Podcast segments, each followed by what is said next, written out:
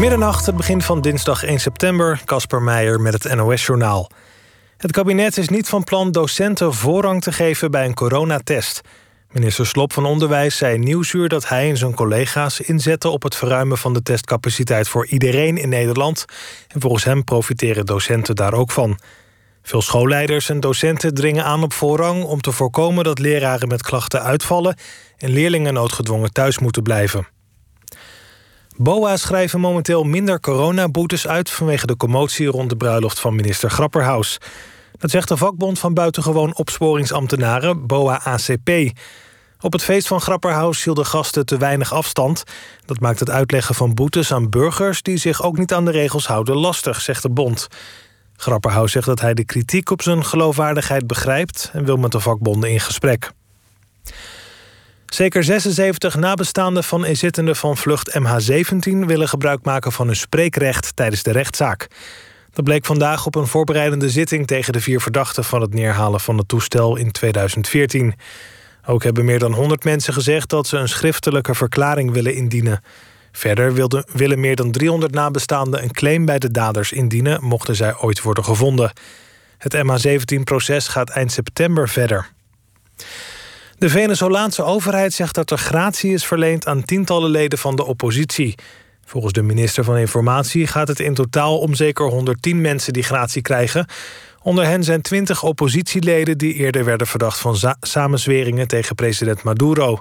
Een deel van de mensen op de lijst zit in de gevangenis, maar er zijn ook mensen bij die in ballingschap leven of zijn ondergedoken. Het weer, vannacht klaart het op. Het koelt af naar 8 graden. Dan kan wat nevel of een mistbank ontstaan. Komende dag is het wisselend bewolkt. Later op de dag wat vaker zon met eh, soms een bui. Het wordt maximaal 18 graden. Dit was het NOS Journaal. NPO Radio 1. VPRO. Nooit meer slapen.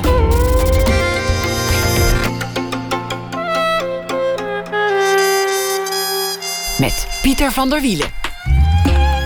Goedenacht en welkom. Dit is Nooit meer slapen. Adelheid Rozen zit tegenover mij. Theatermaker, theaterdocent, programmamaker, organisator van wijksafaris.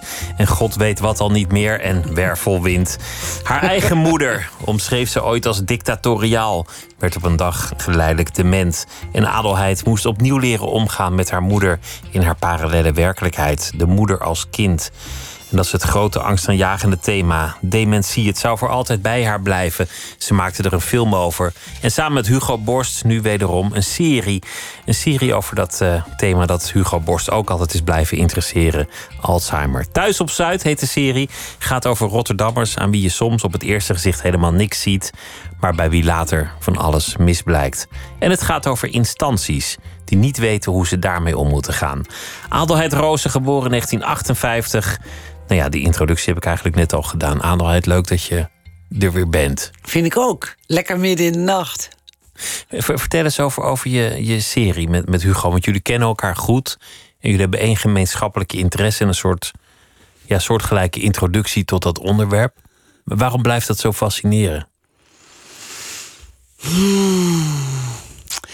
Ik denk um, omdat Hugo en ik allebei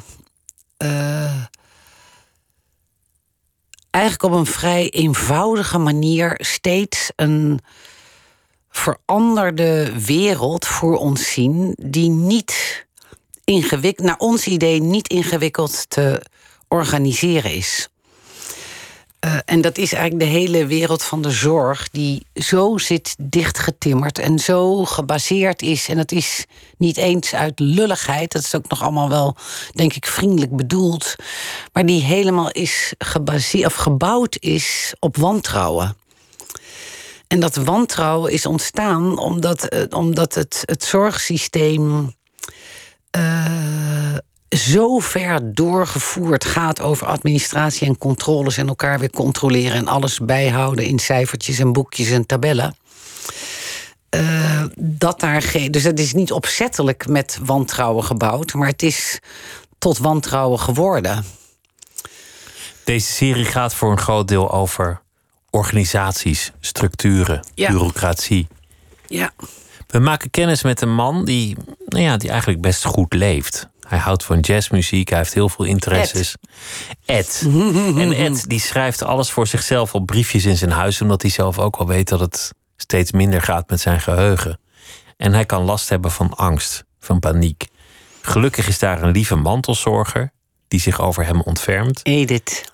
Maar de instanties willen er het fijne van weten. Als jij zo vaak bij die Edith wordt gezien en als die Edith zo vaak bij jou wordt gezien, heb je dan nog wel recht op een uitkering? Heb je niet gewoon stiekem een relatie die je niet gemeld hebt? En die gaan, die gaan rottige brieven sturen die hem totaal in paniek brengen. En het gekke is, het verbazingwekkende, is dat die instanties niet op andere gedachten te brengen zijn. Dat als Edith het even uitlegt dat dat nog steeds niet goed is. De kous is daarmee niet af. Dat is volgens mij wat jij bedoelt. Ja, Geïnstitutionaliseerd wantrouwen. ja, dat is het. En dat is voor heel veel eh, personeel, dus eh, verzorgend personeel, mensen die in de zorg werken, haalt dat heel veel passie weg en, en doodt dat ook in hen de liefde voor het vak. Vorig jaar, eh, of het vorige seizoen dat Hugo en ik in de Leeuwhoek maakten, kwamen we ook heel veel mensen tegen die niet specifiek in, in het zorghuis de Leeuwhoek, maar daaromheen ook.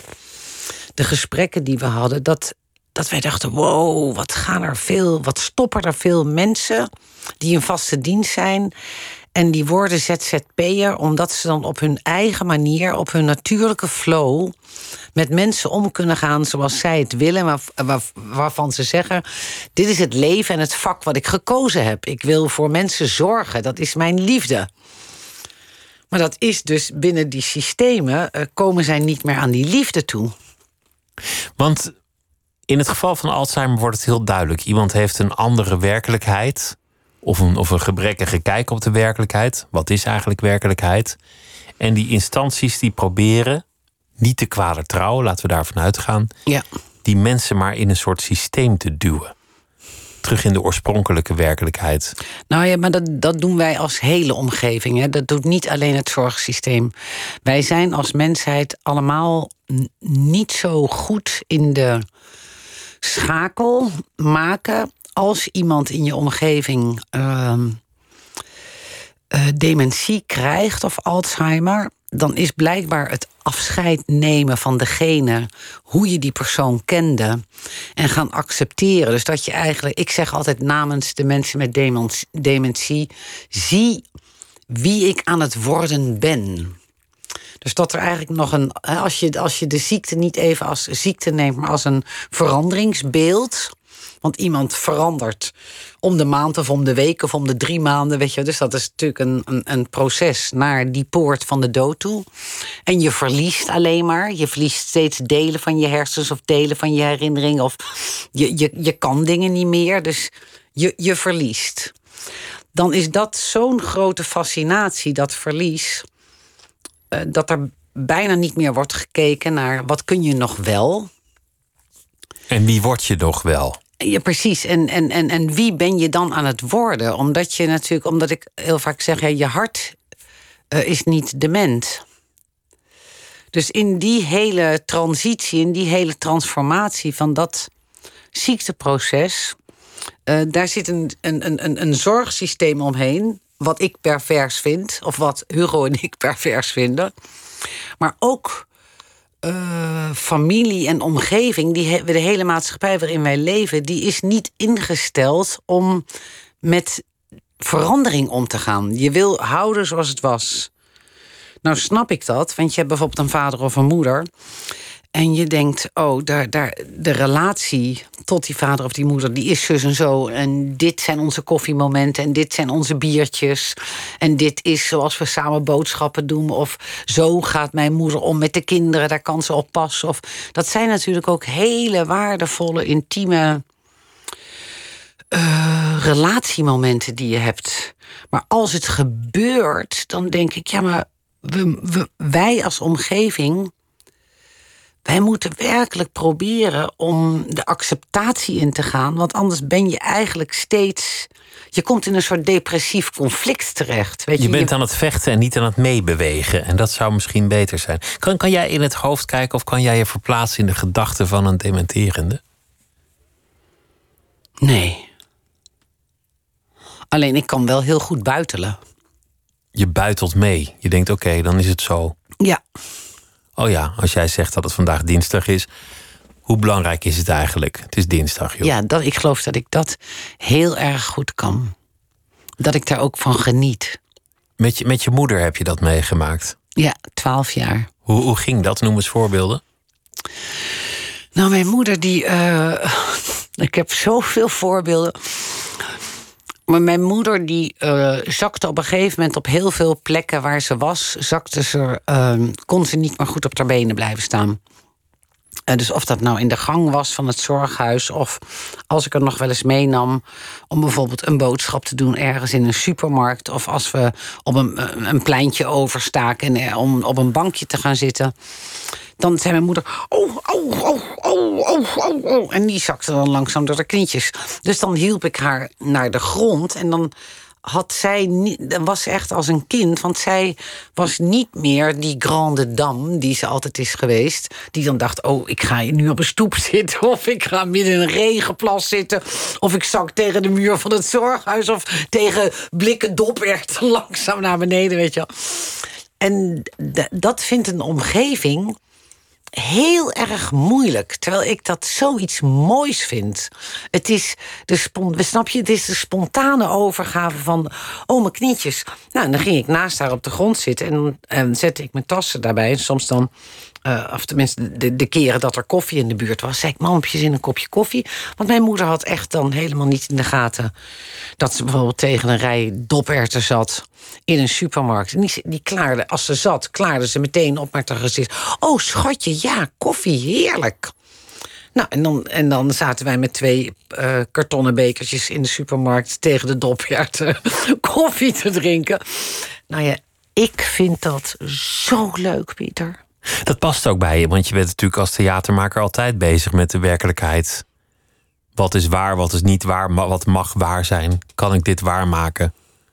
Als ik vind dat het zo is, dan is dit gewoon een nieuwe werkelijkheid die we gewoon creëren en we spreken af dat dit gewoon nu even waar is. Ja.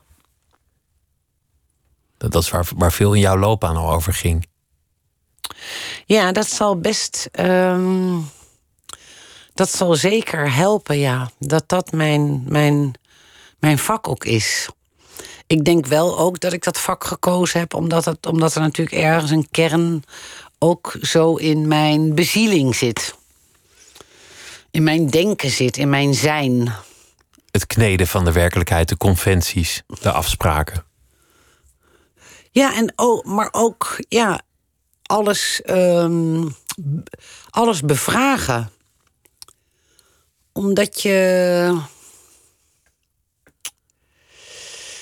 Kijk, het is heel erg leuk om elkaar te bevragen waarom je je aan de conventies houdt. Omdat je heel vaak zelf. Ik zat net bijvoorbeeld.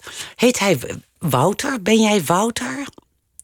Wie bedoel je, de taxichauffeur die jou hierheen bracht? Ja.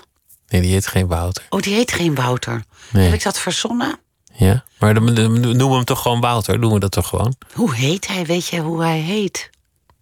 Ja, maar dat maakt toch niet uit? Nee, maar ik, ik kijk hem door het glas aan. en wil ik hem wel graag bij zijn naam noemen. maar vertel wat je wil vertellen.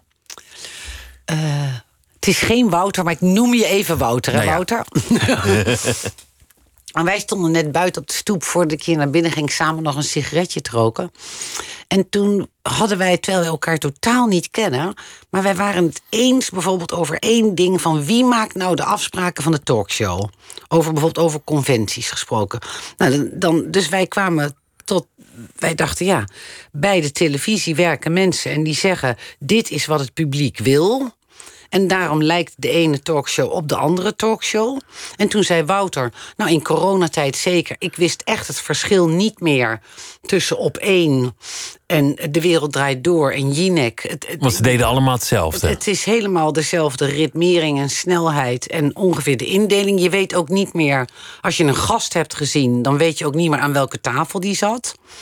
En toen hadden wij het over dat dat eigenlijk allemaal bites zijn. Dus we hadden het over, dus, zoals, dus jouw programma van Nooit meer slapen... dat je bijna geen ademruimte hebt, zoals hier. Snap je? Dus dat je tijd hebt om elkaar te ontmoeten in dit gesprek. En toen zei Wouter, ik vind, ik vind het zo gek, want ik, het zijn allemaal korte bites. Uh, daar, zit, daar valt nooit een stilte. Toen zei ik ook, ja, als, als ik bij een talkshow even nadenk... dan zeggen mensen, dan zeggen presentatoren, ik kom zo bij je terug. Weet je, dus je, je, je, het hardop denken is dan eigenlijk ook niet meer toegestaan of zo. Ja, ik, ik herken heel goed wat je zegt. Nou ja, dat zijn bijvoorbeeld. Nou ja, dan hebben we het alleen maar even over. Dan hebben we het maar nog maar over één conventie. Dus hoe leuk is dat om al die dingen te bevragen? Maar ook, zou het zo zijn dat er in Nederland misschien heel veel mensen zitten te wachten op talkshowtafels zoals Nooit meer slapen? Dus dat je gewoon heel lang met iemand een gesprek voert. Nou, dat weet ik niet of mensen daarop wachten of mensen. Dat, dat weet ik niet. Maar hoe komen we hier nou weer terecht? Nee, maar, het, het, ja. maar, nee maar, dat, vind ik, dat vind ik een veel te makkelijk antwoord. Wat je nou, er gaat er niet, het gaat er niet om of je dat wel of niet weet. Ik weet dat ook niet. Maar wat zou je vinden? Nou, ik word, ik word wel horend door van de, de neiging bij, bij televisie-talkshows om, om alles uit te typen en van tevoren vast te leggen en dingen te zeggen die iedereen eigenlijk al weet. Uh, toch? En, en dan, dan iets te zeggen dat ik denk, nou, dit kan elke twaalfjarige bedenken. Exact. En nou, dan, en iedereen maar in een we hebben, we hebben hier al één medestander gevonden voor een ander talkshow-format. Maar jij doet talkshows, dus jij zou het kunnen veranderen. Nee, ik heb deze zomer een talkshow gedaan. Dus ik heb daar acht, acht weken een soort snuffelstage gelopen. Oh. En, en, en dat vond ik leuk. En dat was, dat was leuk en het was gezellig. Maar ik ben eigenlijk ook wel weer blij dat ik gewoon hier weer in, in, in, de, in, in, in de ruimte in, in de nacht weggestopt zit. Omdat dat hier niemand zich ermee bemoeit. Omdat er dan een chauffeur hier een beetje blijft hangen met een kopje koffie. En verder is er gewoon nauwelijks iemand. Ja, en dan denk ik, iedereen die, die heeft wel een wens of een wil. Maar die liggen allemaal nu lekker te snurken of een beetje op een kussen te kwijlen. En wij kunnen gewoon afdwalen in een gesprek dat helemaal niet bedoeld was hierover te gaan. Ja. Dat, is, dat is eigenlijk wel leuk dat dat kan, vind ik. Dat, dat, Omdat je dan soms tot iets, fijn. tot iets wezenlijks komt. Ja. Ik weet niet of wij nu tot iets wezenlijks komen, maar soms kan dat zomaar eruit voortkomen omdat we het niet helemaal hebben voorgesproken, uitgetypt en, en nou, dat vind ik bijvoorbeeld En we hoeven niet naar een fragmentje. En... Dat vind ik lekker aan podcast bijvoorbeeld. Volgens mij gaan steeds meer mensen van podcast houden omdat je daar ook. Um, dat is een, het is eigenlijk iets heel intiems op je oren of in je auto. Of, eh, of als je hem op de telefoon doet hè, met je oortjes in. Omdat je gesprek. Ja, een denkwereld van iemand ontvouwt zich. En dat is intiem, vind ik. Ja, dat vind ik ook. Ja, je noemt je moeder streng, hè? Een, een grande dame. En je vond het fijn dat ze dementeerde en dat ze dan een beetje. Um ja, losser werd en, en alle conventies ook aan de laars ging lappen. Toen, toen ze nog een goede doen was, mocht dat niet? Nee, mijn moeder was. was uh, ik heb in een, in een voorstelling, Hetty en George, die ik met George Groot maakte. Daar zei ik wel gekscherend. Het, het, het, het flapte op een gegeven moment in een improvisatie uit mijn mond. Maar dat is in de tekst van de voorstelling gebleven. Zei ik: um, Als je mijn moeder, ook, ook al zit ze in een rolstoel stoel over de grens van Zimbabwe duwt, dan ben je van het probleem Mugabe af. Want zij overruled hem. ze wijst hem de deur. Nou, ik zei, ze krijgt waarschijnlijk wel een kogel tussen de, uh, tussen de ogen, maar zolang ze die niet op zich af ziet komen, heeft zij geen vrees. Onbevreesd, een grand dame in die zin. Ja. Zelf ook een beetje dictatoriaal. Ja, ja, ja, ja, ja. Ja, dat, waren, dat, dat, was een, uh, dat was wel een strijdveld bij ons thuis. Want dan heb je, heb je jou tegen de conventies alles bevragen... en dan die moeder die, die, die ook nog een beetje dominant is. Nou ja, en, en, en, en die de conventies graag handhaaft. En er, en er wel een aantal heeft waar ze echt op staat. En wat deed jij dan schoppen? Ja, jeetje. Um, wat doe je? Ja, um, ja, dat, dat, is conflictueus. Dat is, ik bedoel, ik heb dat denk ik bijna vanaf mijn geboorte gedaan. Dus het zijn zoveel verschillende leeftijdsfases. Dat is eigenlijk. Dat, God, dat heeft wel tot, in, in, tot ik in de dertig was geduurd. Maar in ieder geval, de eerste 18 jaar dat ik thuis was, was dat. Ja, dat was, dat was hevig. Ik heb later ook nog wel eens aan mijn zus. Ik weet nog wel dat mijn zus, dat is. Uh, mijn zus heeft een volkomen ander temperament dan ik. En dat was iets wat zich uitte in een vakantie. Toen was mijn vader al overleden. Toen was mijn moeder met ons mee naar Frankrijk op vakantie. En toen had ik daar weer een conflict uh, met haar. En op een gegeven moment, het was al donker en we zaten ergens op een terrasstoel. En op een gegeven moment staat mijn zus op.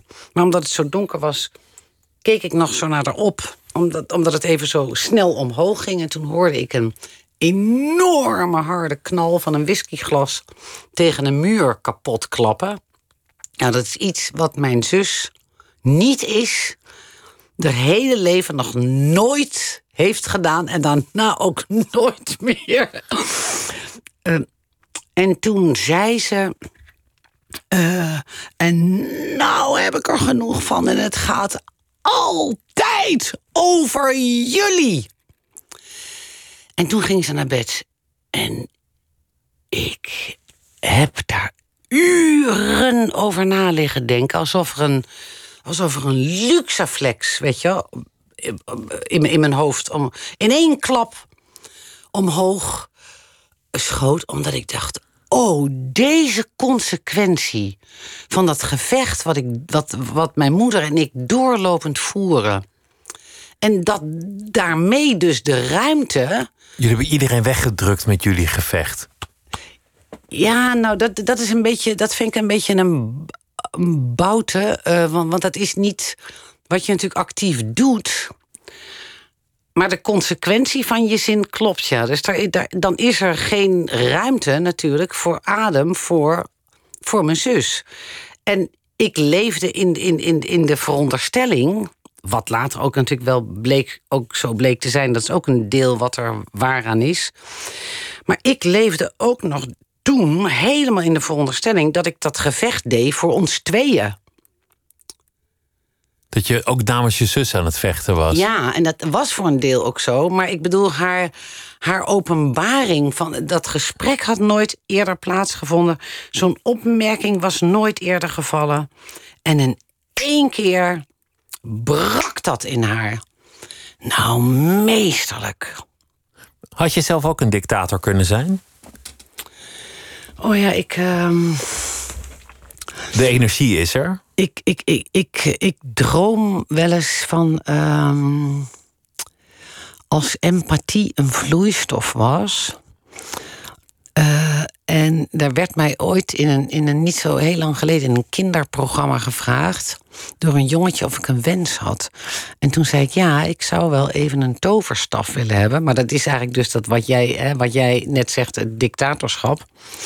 En dan zou ik wel willen dat empathie een vloeistof was. En dan zou ik alles in de wereld stilleggen. En helemaal met die toverstaf betoveren volgens mij regels. En dan zou ik al het kraanwater over de hele wereld, daar zou ik die empathische vloeistof in gieten. Dan hoeft iedereen maar een millimeter empathischer te worden. Het is maar, het is maar één druppel bij iedereen. En dan zou ik mijn toverstaf weer inleveren. Maar dan zou volgens mij, daar zou ik wel even dictator voor willen zijn. Ja, ja daar zit toch het woord moeten in. En, en, het, en het willen dat iedereen anders is. En het iedereen willen voegen en de wereld willen schikken. Ja. Voor het goede. Maar dat zeggen dictators ook altijd, dat het voor het goede is. Absoluut. Dus er zit toch alweer een soort, soort idealistische daadkracht achter. Het is misschien ook wel leuk dat er een paar niet-empathische mensen rondlopen. Oh, zeker. Het is een droom ook. Het is natuurlijk ook niet een algemeenheid of zo. Dat dat is zeker leuk wat je zegt. Het gaat natuurlijk om, om, om een vonk van. Ehm, als we het hebben over thuis op Zuid. Dan is dat, dan is dat iets wat ik uh, mensen met dementie gun. Dus ik denk, als die druppel in dat kraanwater zou zitten, uh, dan, zou, uh, dan zouden alle mensen met dementie over de straten kunnen dwalen. Omdat anderen zich over hen zouden ontfermen. Ja, en die zouden niet, oh, dan heb je geen gesloten afdelingen meer. En dan zouden ze elke avond wel door iemand gewoon worden thuisgebracht. En dat is helemaal, dat is vijf minuten omlopen, dat is allemaal helemaal geen werk. Dan zouden ze op bankjes kunnen zitten in de stad. Dan zouden ze hun benen kunnen strekken en op het gras gaan liggen dollen met honden en met kinderen. Maar dan zouden ze vrij, wel in die zin vrij zijn. En veel zachtmoediger leven. Dus uh, het is, uh, ja, je kan zeggen, is dat dictatoriaal? Of het is ook leuk dat er, dat er uh, mensen zijn die niet empathisch zijn. Ja, ah, ja, allemaal tot je dienst. Maar het is natuurlijk even gewoon een droombeeld. Is dat idealistisch? Ja, ik weet het niet. Ik zou het best willen. en het is. Maar je, je bent altijd, altijd een soort wervelwind. Je hebt altijd een enorme energie. En dan, en dan organiseer je ook heel veel dingen waarbij mensen de wijk in worden genomen of in het theater overnachten. Of dan, dan is weer het idee dat iedereen een plafondschildering gaat maken. Of nou ja, er gebeurt altijd enorm veel. En ik kan me ook wel voorstellen dat er mensen zijn die, die af en toe denken: Roze, nu even niet. Die een stap naar achter doen. Ja, maar ik ben nu wel op een punt in mijn leven dat ik denk: ik begin deze vraag oninteressant te vinden omdat hij zo vaak gesteld is. Nou, en, en ook omdat hij op, hij heeft ook een, houd, een houdbaarheidsdatum. Omdat het eigenlijk wel meevalt tegenwoordig. Nou, niet alleen tegenwoordig, maar ook.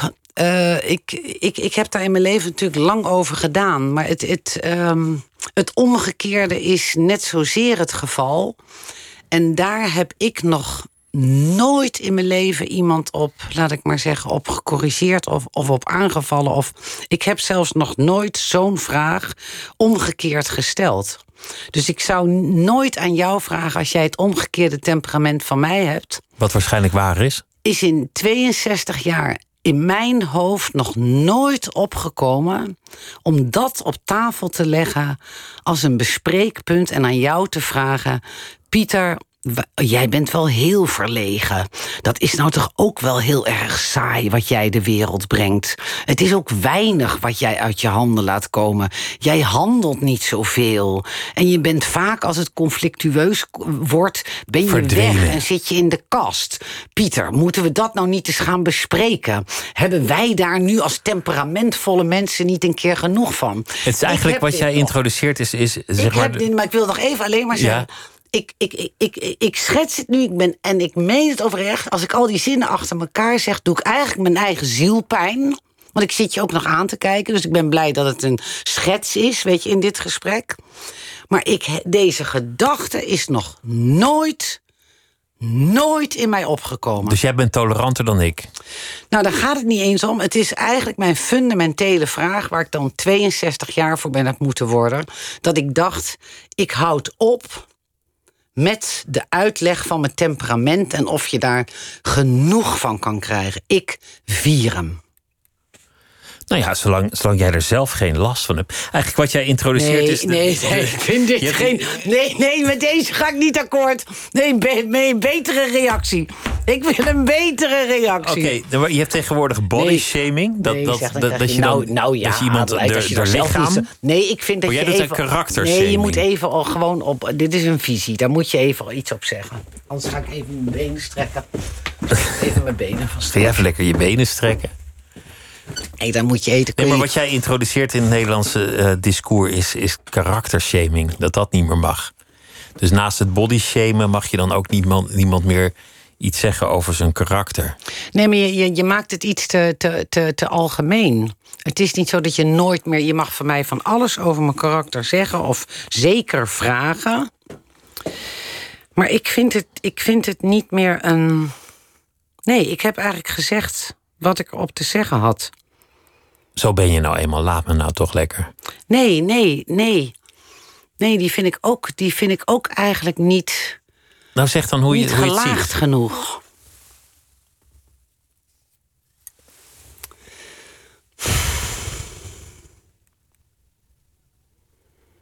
Wat, wat is er fascinerend aan om het. Um, of wat gebeurt er in het hoofd van de ander, of in dit geval van jou, uh, Dat je het, snap je, de, de, de- fascineert het je? Of moet je het noemen om iets? Of noem je het omdat het een, een, een, een, een mogelijk een gespreksonderwerp voor deze radio-uitzending is? Ik heb de indruk dat het een bepalend iets in jouw bestaan is. En dat veel van jouw werk daaruit voortkomt. En dat veel van jouw vriendschappen en relaties daardoor bepaald worden. Maar, maar die van jou toch, met jouw eigenschappen, toch evenzeer? Ja, maar die mag je ook bespreken als ik hier op de tafel zou liggen. Ja, maar wil je ze dan bespreken dat je, ehm, dat je wil weten hoe het zit? Of hoe dat werkt in mij? Of, of in jouzelf?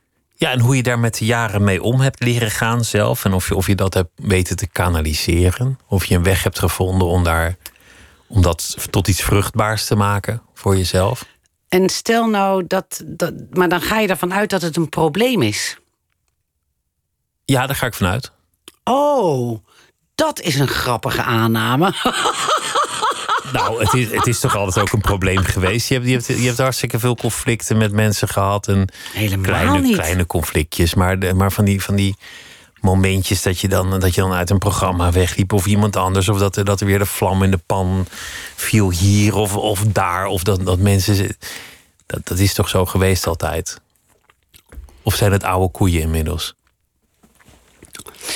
Nou, misschien is het eigenlijk helemaal niks bijzonders, maar wordt dat ervan gemaakt? Misschien is het gewoon, en dan niet, ja, het zijn ook oude koeien, maar doordat je oude koeien zegt, moet ik denken aan een vrolijke koe in, eh, die met de lente eh, eh, de schuur uit mag en, de wei inbuitelt, weet je wel. Het zijn ook gewoon buitelingen. Alleen het lijkt dat, dat, dat- ik denk soms, oh, het lijkt alsof mensen niks anders te doen hebben, weet je wel, dan als er zoiets voorvalt. Daar heb ik me eigenlijk veel meer door laten misleiden dan dat er, dan dat er nou in mijn ogen werkelijk iets aan de hand was. Dat kan. Dat, dat, dat kan. Dat het dan heel groot lijkt aan een, aan een tafel of een camera of een ding. Ja, of noem, wa- wa- waar had jij het dan bij? Heb je een voorbeeld waar, waar jij het dan bijvoorbeeld had en waarvan jij dan dacht: Oh, dit, nou, hoe nou doet Adelheid iets? Dit vind ik wel echt een ding, zeg. Nou, ik ging twee jaar geluk, eh, geleden mee op zo'n, op zo'n wijksafari. En dat, dat was heel leuk, hè? Dus, dus de take-home message was heel leuk. Achter op de brommer door zo'n wijk. Oh ja, de, de, de, de scooterjongens. De scooterjongens en dan, dan door zo'n buitenwijk in, in, in Utrecht. Het was trouwens ook heel grappig, want er, er zat een, een idealistische bedoeling. En ik, ik reed daar die, die wijk in en ik was nog geen, nog geen, nog geen tien minuten, die, nee, vijf minuten die wijk in. En ik had een soort verkeersruzie met wat heel, heel temperamentvol mediterraan. Iemand met me, volgens mij wilde die op de vuist of zo, weet ik veel wat er aan de hand was. Dus dat was wel grappig. Dus ik dacht, nou oké, we zijn in de, in, in de wijk. En, en toen op een gegeven moment toen dacht ik, wat, wat moet ik veel? Wat, doet, wat wil iedereen veel van me? Dan moest je meedoen dit en dan moest je dit en dan moest je dat en dan moest je... En dan moest ik op een gegeven moment zeggen van... ja, nu gaan we met een vluchteling knuffelen. En dan denk ik, oh, ik zou zo heel graag niet met een vluchteling willen knuffelen. Dat zat er niet in. Aan het eind. Nee, je bent met nergens. eh, de, en het, heet, het heet niet zo. En, en, en, en het, Maar, maar goed, wat ik, wat ik wil zeggen is dat... Het was dat in een AZC. Ja, maar klopt. pu- publiek, hoe, ik heb publiek nog nooit. Ik vind knuffelen een heel naar werkwoord. dus dat zou ik al sowieso niet gebruiken. Maar publiek, eh, eh, de- daar zit niet iets in wat dat publiek een, een vluchteling. Of je zou gewoon kunnen zeggen, een medemens. is mijn geheugen met me aan de haal gegaan. Ja. Maar, maar ik, ik, vond, ik, vond nog, ik vond het heel leuk, maar ik dacht van... al die daadkracht. Al dat idealisme. Al die energie. Ja, dat Het hebben- fascineerde me. Het is, het is niet eens een oordeel of, of weet je, maar het is gewoon, het, het fascineerde me mateloos. Nou hoor ik toch twee dingen. Want je, het fascineert je. Maar je zegt ook een beetje zuchtend. Al die, al die daadkracht, al die energie. Ik ben iemand die dan van nature een stap naar achter doet, zeg maar. Misschien gaat het over mij hoor, dit kan ook. Ja, het is een voorstelling. Het is een theatervoorstelling. Als het een opera is, zou je, dan, zou je dan ook zeggen... wat een daadkracht, wat een energie? Als je ziet wat daar allemaal uit de coulissen komt. Nee, hoeveel dan, koren. Dan hoef ik zelf niks. Precies, dan is het geordend voor je neus op veilige afstand of zo. Ja. Misschien gaat het dan daarover. Ja, nee, dit wordt helemaal niks. Zullen we, je, hebt, je hebt muziek meegenomen. En, en die. Uh, nee, het gaat, ja, en, die vind, en die vind ik mooi, dus die wil ik wel laten horen. Eh, van, nou, van Mero. Maar jij bedoel, wat bedoel je met het wordt helemaal niks? Omdat je, omdat je niet weet welke laag het in nou, jezelf is nu die wordt. Nee, we, zitten we, zitten ergens in, we zitten ergens in te purren en we, we komen nergens toe. Dus we kunnen, we kunnen even het muziekje luisteren en dan. Maak je een wezenlijke. Ja, dat kan toch gewoon. Dat is toch, dat is toch die vrijheid die je zo prees? Doen we dat toch? Maar waarom heb je dit meegenomen van Merel Polat? Oh, ik ben helemaal, helemaal gek, wauzie van haar stem. En ik heb een hele dierbare relatie met Merel, omdat ik haar heb leren kennen toen uh, ze student uh, oh, ze, kwam op de toneelschool en ik geef, al, ik geef al 33 jaar les daar. Aan het eerste jaar altijd. Dus ik, heb, uh, ik, heb, ik had Meral dus in, in het eerste jaar in de klas. En zij is, was zo'n wonderschoon iemand. Zo, um, ja, laat ik, laat ik het zeggen. Alsof zij zichzelf al heel jong kon dragen. Zij uh, was een van de eerste studenten afkomstig uit een moslimland die op. Um, op, uh, op de toneels, op de, in, in Amsterdam toneelschool zat. En zij, wij gingen altijd naar voorstellingen met de hele klas. En op een gegeven moment kwam ze uh, bij me. Uh, dat was in mijn lessen. Of in ieder geval, dat zette ik binnen mijn lessen ook uit. Uh, en, toen, en daar moeten ze een lijst bij houden. Welke voorstellingen ze allemaal zien. En toen zei... Ehm, kwam Meral naar me toe en zei ze... Mag ik ook films kijken? Ik wil ook wel het dubbele aantal doen. Ik had gezegd, je moet 25 voorstellingen tot aan de kerst... en 25 tot aan dus 50 in totaal over een seizoen. En die bespreken we allemaal. Uh, mag ik ook films kijken? En ik wil ook wel het dubbele aantal. En toen vertelde ze, uh, toen liep ik er achterna op de fiets op het schoolplein. En toen zei ik: Ben je naar de theaterschool gekomen? Wil je filmacteur worden of zo? Of heb je een andere droom of een andere wel? Wil je niet het podium op? Zei ze: Nee, nee, maar ik, ik mag s'avonds uh, de deur niet uit. Maar ik mag wel van mijn vader films kijken. Tot heel laat. Dus ik kan er ook twee op een avond kijken.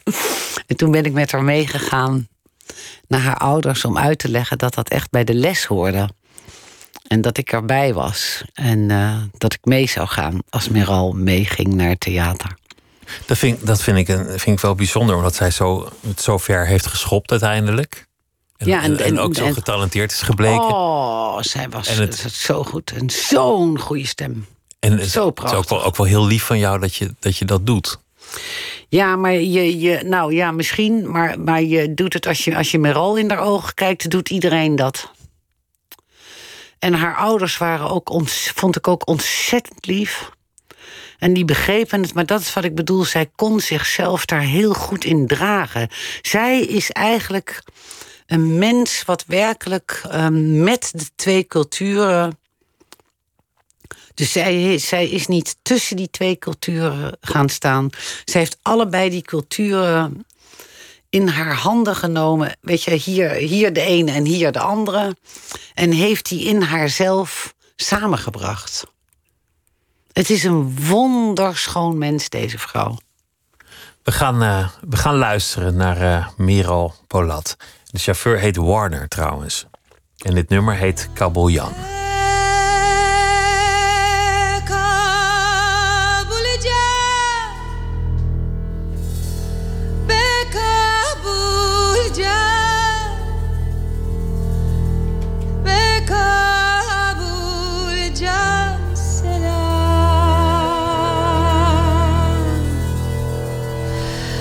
Oh.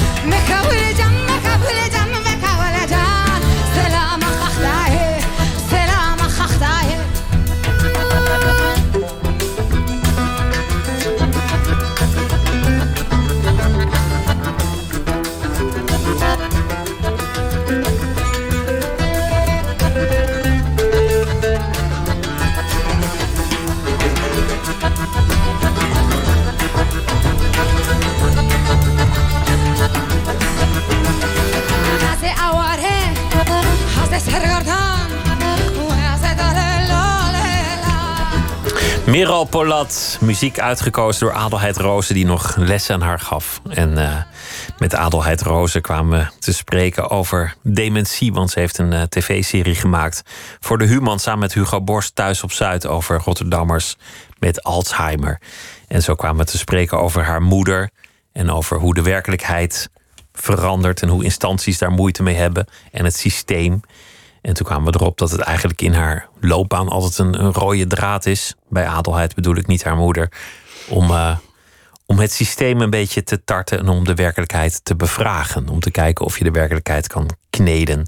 En toen kwamen we te spreken over de chauffeur Warner, met wie ze een gesprek had over talkshows. Ging het daar ineens over. Dat het wel fijn is dat je ook een plek hebt waar, waar het allemaal niet gescript is. En je zomaar ergens terecht kunt komen. En zo kwamen we op het uh, karakter dat ik meende te herkennen in Adelheid. Maar daar ging ze mooi niet in mee. Die vraag was ze zat. En ze vond het eigenlijk, meende ik te merken, ook onbetamelijk om ernaar te vragen. Om nee, iemand nee, zo. nee, nee, onbetamelijk vind ik het nooit om iets te vragen. Nee.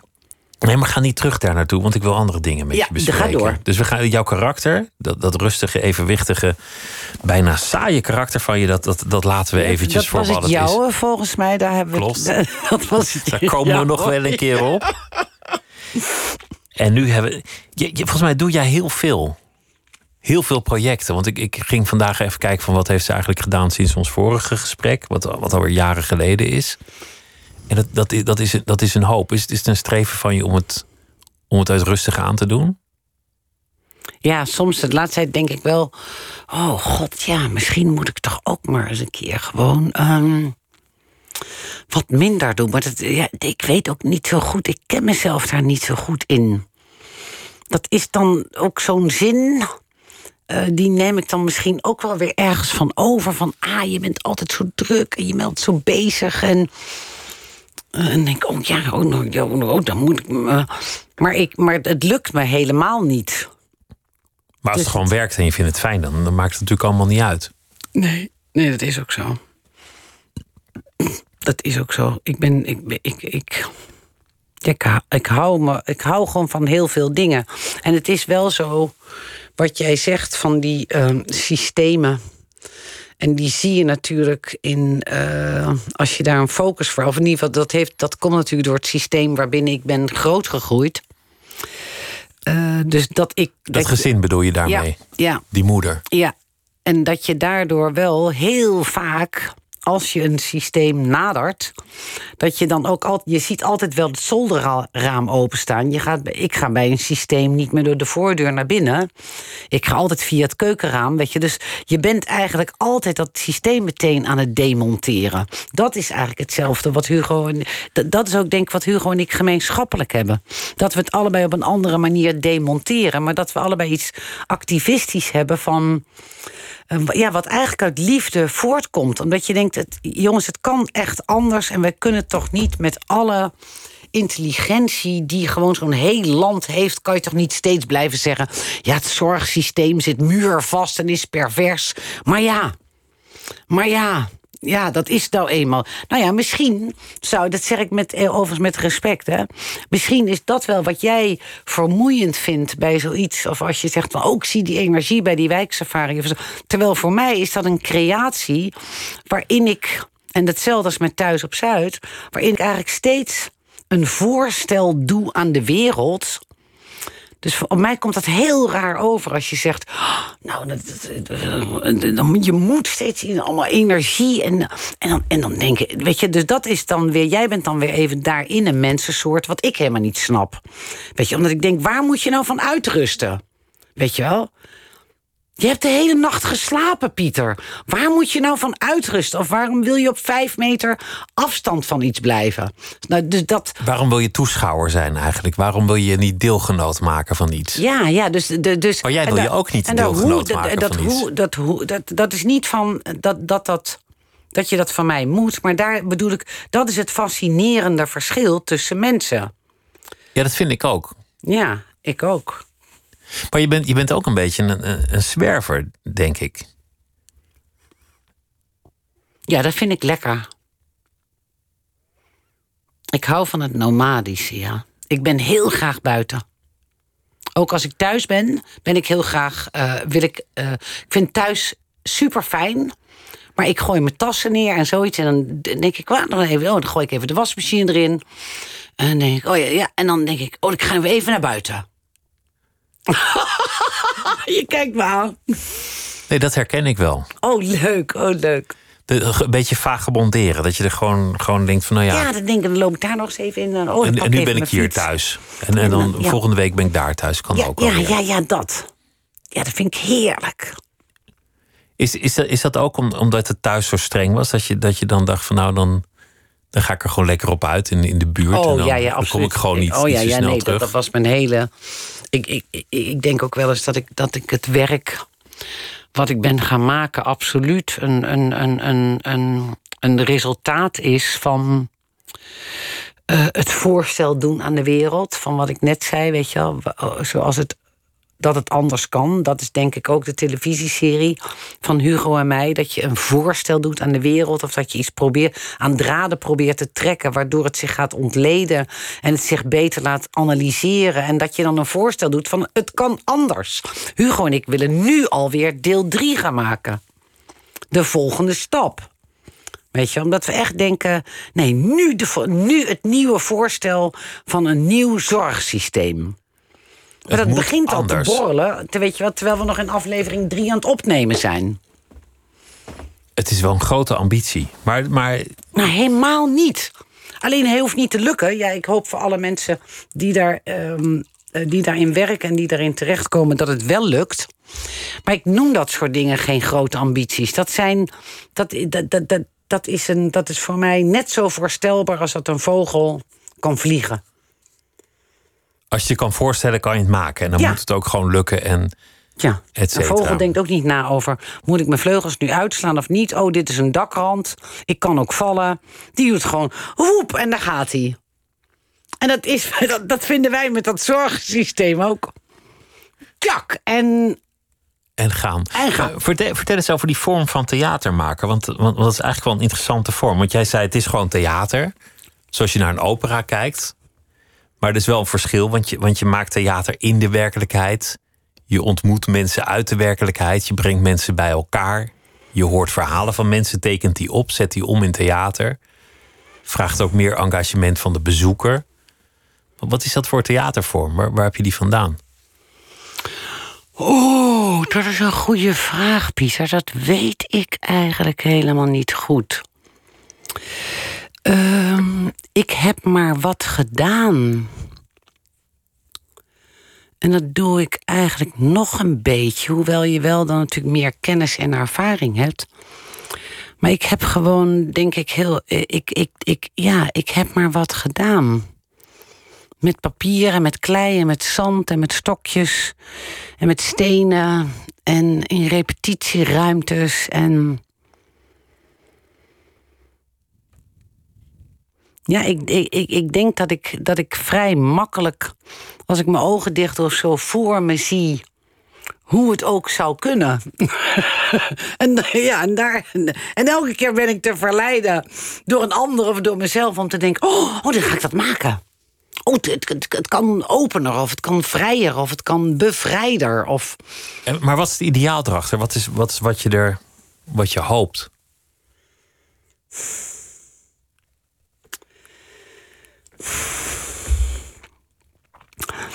Nou, laat ik, een, laat ik om te beginnen één ding noemen, zoiets als schaamte. Ik gun eigenlijk iedereen die verkreukelt. Dus als ik, als ik mensen ongemakkelijk zie worden, en dan bedoel ik het niet in de uitdaging of in het avontuur, of, maar als je zo echt niet meer samenvalt met jezelf. En dat heeft de gemiddelde mens eigenlijk heel vaak. Dus dat je van binnen verkreukelt en dat je jezelf even kwijt bent en niet meer herkent. En dat je iets anders dan jezelf gaat zitten wezen. En dat dat allemaal als een kramp voelt. En dat je daar binnen overleeft. Of nou op visite is of op je werk. Of dat je wordt. Mensen die worden vernederd, die uh, weten heel goed dat ze worden vernederd. Maar je kunt niet dat, en, dat is, nou ja, en dat gebeurt zoveel en dat gun ik helemaal niemand. En dat wil je doorbreken met theater? Nou, ja, on, ja, ja onder andere. Dus, dus dat je naar een mens kijkt en dat de, dat de ander die je aankijkt niet meteen een oordeel heeft. Niet een aanname heeft, of als hij een aanname heeft, dat dat in een vraagvorm komt dat mensen elkaar gaan zien, bedoel je eigenlijk? Ja. Is, is dat jou wel eens gebeurd, een periode waarin je niet in bloei stond? Waarin je vernederd, vernederd of verkreukeld was? Oh, daar heb ik nog. Nog steeds? Oh ja, daar heb ik soms nog. Ja hoor, er, er, zijn situaties waarin, waarin iemand mij kan raken dat ik echt denk. Oh, oh, oh, zo echt zo dat voel van binnen, ja. Maar de lengte natuurlijk waarin ik het heb gehad, is, uh, dat, dat is wel in mijn jeugd geweest. Daarna nooit meer zo, zo langdurig? Nee, nee, nee, nee, nee. Dan ga je natuurlijk vechten om dat allemaal uh, te ontmantelen. En vechten, dat is, dat is maken dat je wegkomt, maar vechten is ook nee, dat rebelleren. Is ook, ja, dat is eigenlijk. Ik, heb meer, ik ben er meer recht ingelopen, erop af, dan ervan weg. Voorwaarts leven. Ja, ja. Dat is mooi gezegd. Ja, dat. ja, ja, ja, ja, dat doe ik graag. Hoe gaat het in de liefde op dit moment? Um, nou, ik heb een voorstelling gemaakt over um, mijn relatie. Vorig jaar, uh, juni, speelden we daar de laatste voorstelling van. Die heette Reizen, Rooksman, De Dikke Muis en Shores. Een onmogelijke titel vinden wij achteraf. Maar toen vonden we hem tof. Met Lieneke Rijksman. En met Tiets Muislaar, Sjors Groot en ik. En uh, was mijn vriend. En Lieneke Rijksman was de ex van Titus. En Sjors, dat is mijn oude taaldocent van de academie. En met Sjors heb ik over de jaren heen... zo steeds om de drie, vier jaar een voorstelling gemaakt. Dus Sjors had ik gewoon nodig als een handgreep. Dat ik dacht, George, moet, uh, jij moet erbij. En dan snapt George dat meteen, heeft hij helemaal geen uitleg. Zegt hij, doe ik. Roze, dat doe ik, zegt George dan altijd. En die ging over uh, of de relatie van Titus en mij. Dus dat was eigenlijk 100% autobiografisch. Of Titus. Uh, uh, de openingsvraag was dat ik naar Titus toeliep en zei. Um, noemen we dit uit of aan? Wat is, wat is het Waar uit of aan zijn? Ja, precies, van een relatie. Luc Perceval uh, deed de uh, eindregie. Daar ben ik ook. Um, nou ja, die ben ik zo dankbaar. Die heeft zo meesterlijk werk verricht, Luc. Uh, want Luc was er bijna niet. Die, die, die regisseerde op dat moment een grote zaal in, uh, in um, Brussel of in Gent, Gent geloof ik. En wij zijn een paar keer naar België geweest om hem in avonduren te ontmoeten. En op het laatst kwam die zeven dagen. Dus wij waren heel veel met z'n vieren. En Lauren, de dramaturg. En, en Luc heeft in die zeven dagen een aantal werkelijk briljant geniale snap je, conceptingrepen gedaan. Waardoor die voorstelling gewoon uit zijn dak kon gaan. Dat was echt meesterlijk. En kwamen jullie verder in, in die vraag? Wat is dit nou? Is dit nou aan? Is dit nou uit? Ja, Wat ja maar, dat, nou? maar, dat, maar dat, ik zou je dat zo graag uitleggen. Maar dat is, dat is bijna. Daar, in die voorstelling is elke zin van belang. Je kan het niet zo uitleggen, want het is, het is te ingewikkeld. Quantum physics. Ja, ja, eigenlijk dat. Ja, dat, dat, die, dat moet je echt, dat moet je beleven. Dat, dat kan je niet. Dat, ja, dat moet je echt beleven, die voorstelling. En die zouden we in de reprise uh, gaan doen. En we zouden bijna beginnen met de, de, met de herneming. En toen kwam de corona. Ah, die rot corona.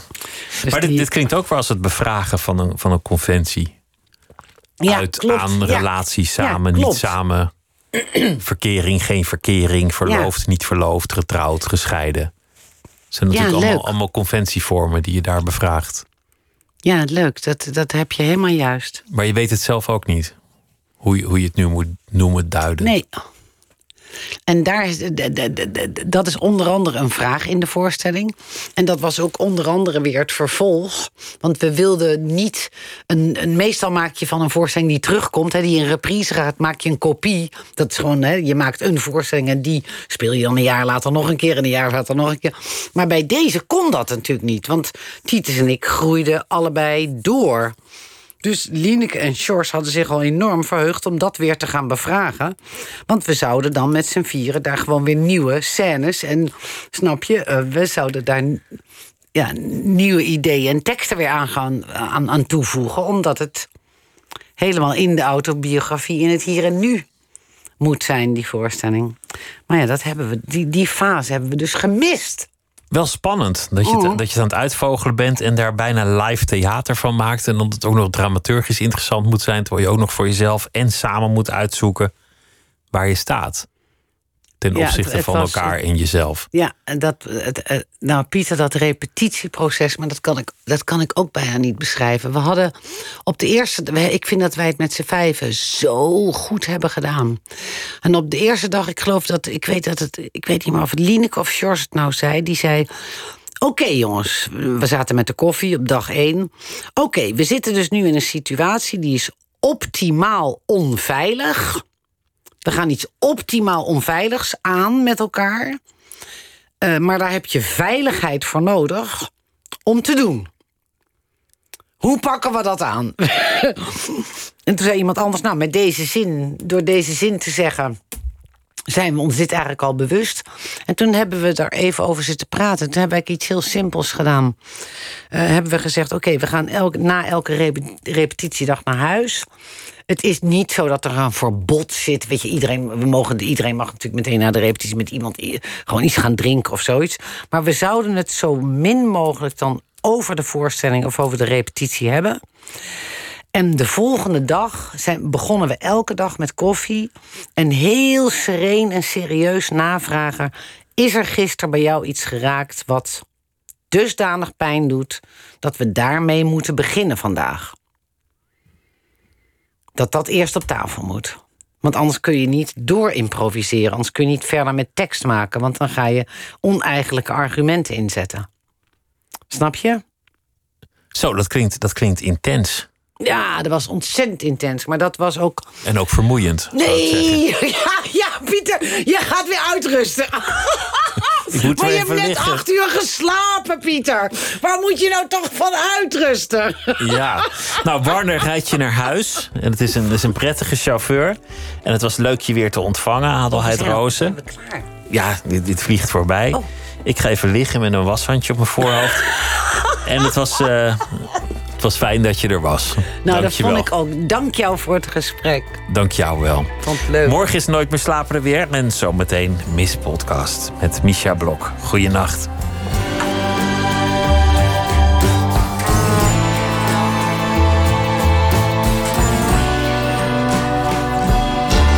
Op Radio 1. Het nieuws van alle kanten.